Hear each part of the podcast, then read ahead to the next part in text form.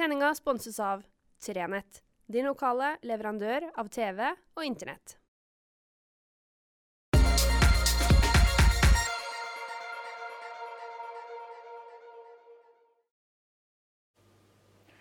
Riktig god fredag. Ja, for det håper jeg virkelig at den er. At fredagen er god. Til tross for at uh, påska igjen ikke ble det vi hadde forventa. I fjor så var koronaen så fersk og så ny at vi vel egentlig knapt ante hva som traff oss. Men i år så vet vi litt mer. Vi vet litt mer av prisen for de reglene som er kommet. Og for å være helt ærlig, jeg var ganske langt nede i kjelleren for et par dager siden. Da jeg skjønte at uh, påskebesøket ikke kunne la seg gjennomføre. Vi kunne ikke ta med oss broren min og svigersøstera mi og vår lille onkel, tante, unge på, på, hytta. Da var jeg veldig lei meg. Jeg var ordentlig nedimella, som vi sier her nordpå.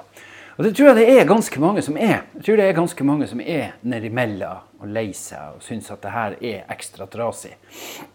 Og som sliter med å finne motivasjon til enda en runde med dugnad.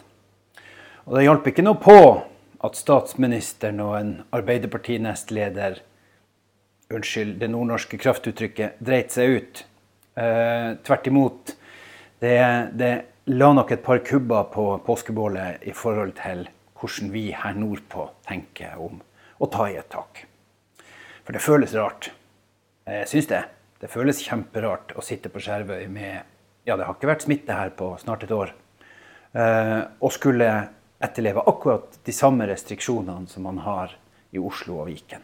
En skjønt ikke helt, for der er det faktisk enda verre. Men reglene om at vi ikke kan ha overnattingsbesøk, at vi ikke kan ha mer enn to på besøk av gangen, øh, skjenkestopp, munnbind på butikkene der vi ikke kan overholde tometeren, det er vanskelig. Jeg var en runde på butikkene på Skjervøy i dag. Eh, og fordi jeg er den jeg er, og fordi jeg skal skrive om dere, så kjenner jeg på at jeg må ha på meg munnbind. Jeg syns det blir litt rart om jeg skal skrive forordninger og regler og skrive om det her, og kanskje til og med skrive ledere der jeg syns skriver at det her er lurt, uten at jeg sjøl skal gjennomføre det. Men av de 20-30 som var på butikken, så var det bare jeg og to til som hadde munnbind. Og den andre, den tredje, får jeg si, hadde det for så vidt knødd rundt halsen. Var ikke så forferdelig opptatt av at det dekte verken munn eller nese. Det er ikke så greit. Jeg skjønner det kjempegodt. Jeg skjønner kjempegodt at folk syns det er vanskelig. Og jeg skal ikke komme med noe moralpreken om det her. Jeg skal rett og slett bare si at jeg syns det her er vanskelig. Og at uh, jeg forstår dem som sliter med å la seg motivere. Og som sagt, sjøl så var det ganske heftig. Men så har jeg så fantastiske gode kollegaer som også syns at det her er vanskelig, men som er ærlige på det, og så snakker vi om det. Jeg snakka om det her hjemme. Jeg og kona var helt enige om at det her er noe ordentlig, som svenskene sier, boys, at vi ikke kan ha besøk. Men så får vi prata om det, og så får vi funnet andre ting vi kan glede oss over. Og så klarer man å komme seg litt ovenpå. Og så blir livet litt lysere. Og så blir det litt enklere. Og så blir jo været veldig bra i dag. Og så får vi håpe at når vi kommer over helga og skal inn i det stille uke og, og påskehelga, at det blir såpass med vær at vi i hvert fall kommer oss på hytta. Vi får se. Vi har jo tross alt i år lov å dra på hytta.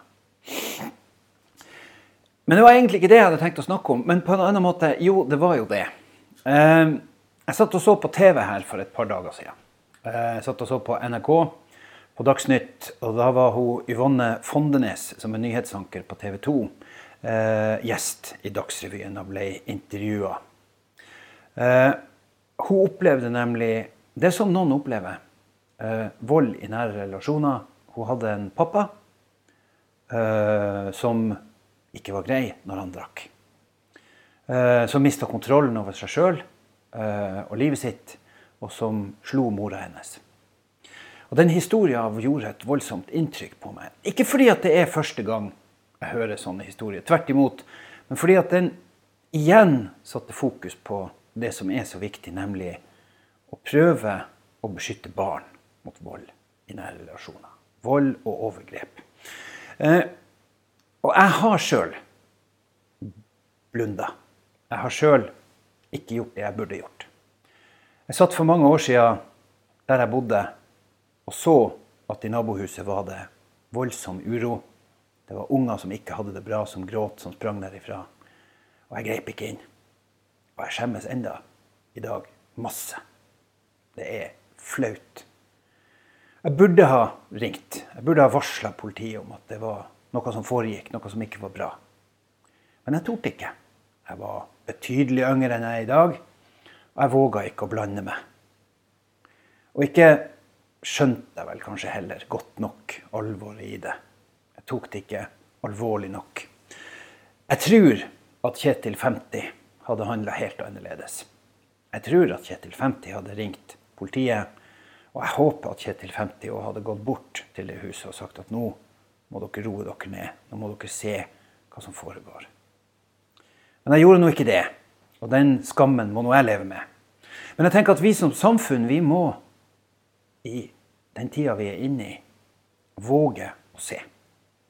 Og så er det vanskelig. fordi at noen ganger så ser vi det i vår egen familie. Det kan være en bror eller ei søster som plutselig vi oppdager ikke er snill med sine. Det kan være naboen, som vi har et ellers utmerket godt forhold til, men som uh, mister det av og til. Eller det kan være en kollega.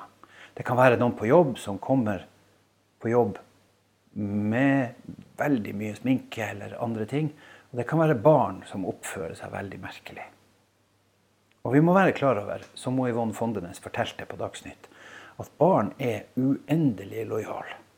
De gjør hva de kan for å beholde familien sin. For å beholde mammaen sin og pappaen sin.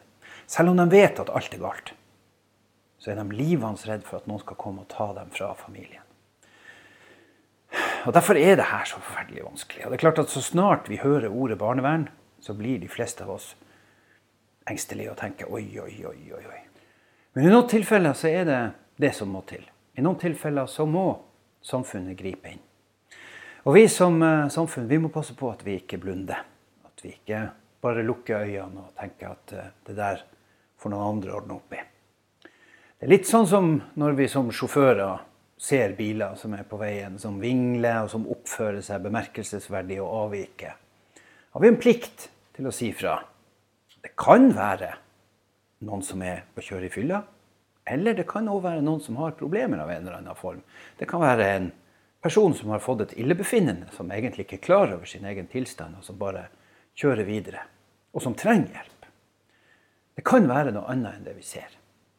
Det kan også være akkurat det vi ser. Den historien til hun, Yvonne Fondenes den, den, gjorde inntrykk på meg. Jeg skrev en leder til papiravisa til nett som handler om at vi må se. Og jeg håper at uh, folk våger det. For egen del så må jeg altså sitte med skammen over at jeg ikke gjorde det. Og det kan godt være at det at jeg hadde grepet inn den gangen, hadde vært tilstrekkelig. Det er ikke sikkert det hadde medført noe mer enn en reprimande overfor foreldrene. Hva vet jeg? Men i alle fall så hadde jeg sluppet å kjenne på det jeg sitter selv nå, veldig, veldig lenge etterpå, og kjenner på, nemlig flauhet over at jeg valgte å ikke gripe inn. Jeg håper dere får ei fantastisk påske. Jeg har tenkt å uh, la det bli den siste praten. Jeg skal ikke komme på langfredag med fredagsprat. Da sitter jeg forhåpentligvis, og la oss nå krysse fingrene, kanskje til og med i solveggen på Lille Sandnes, og nyte at det er ferie og fri.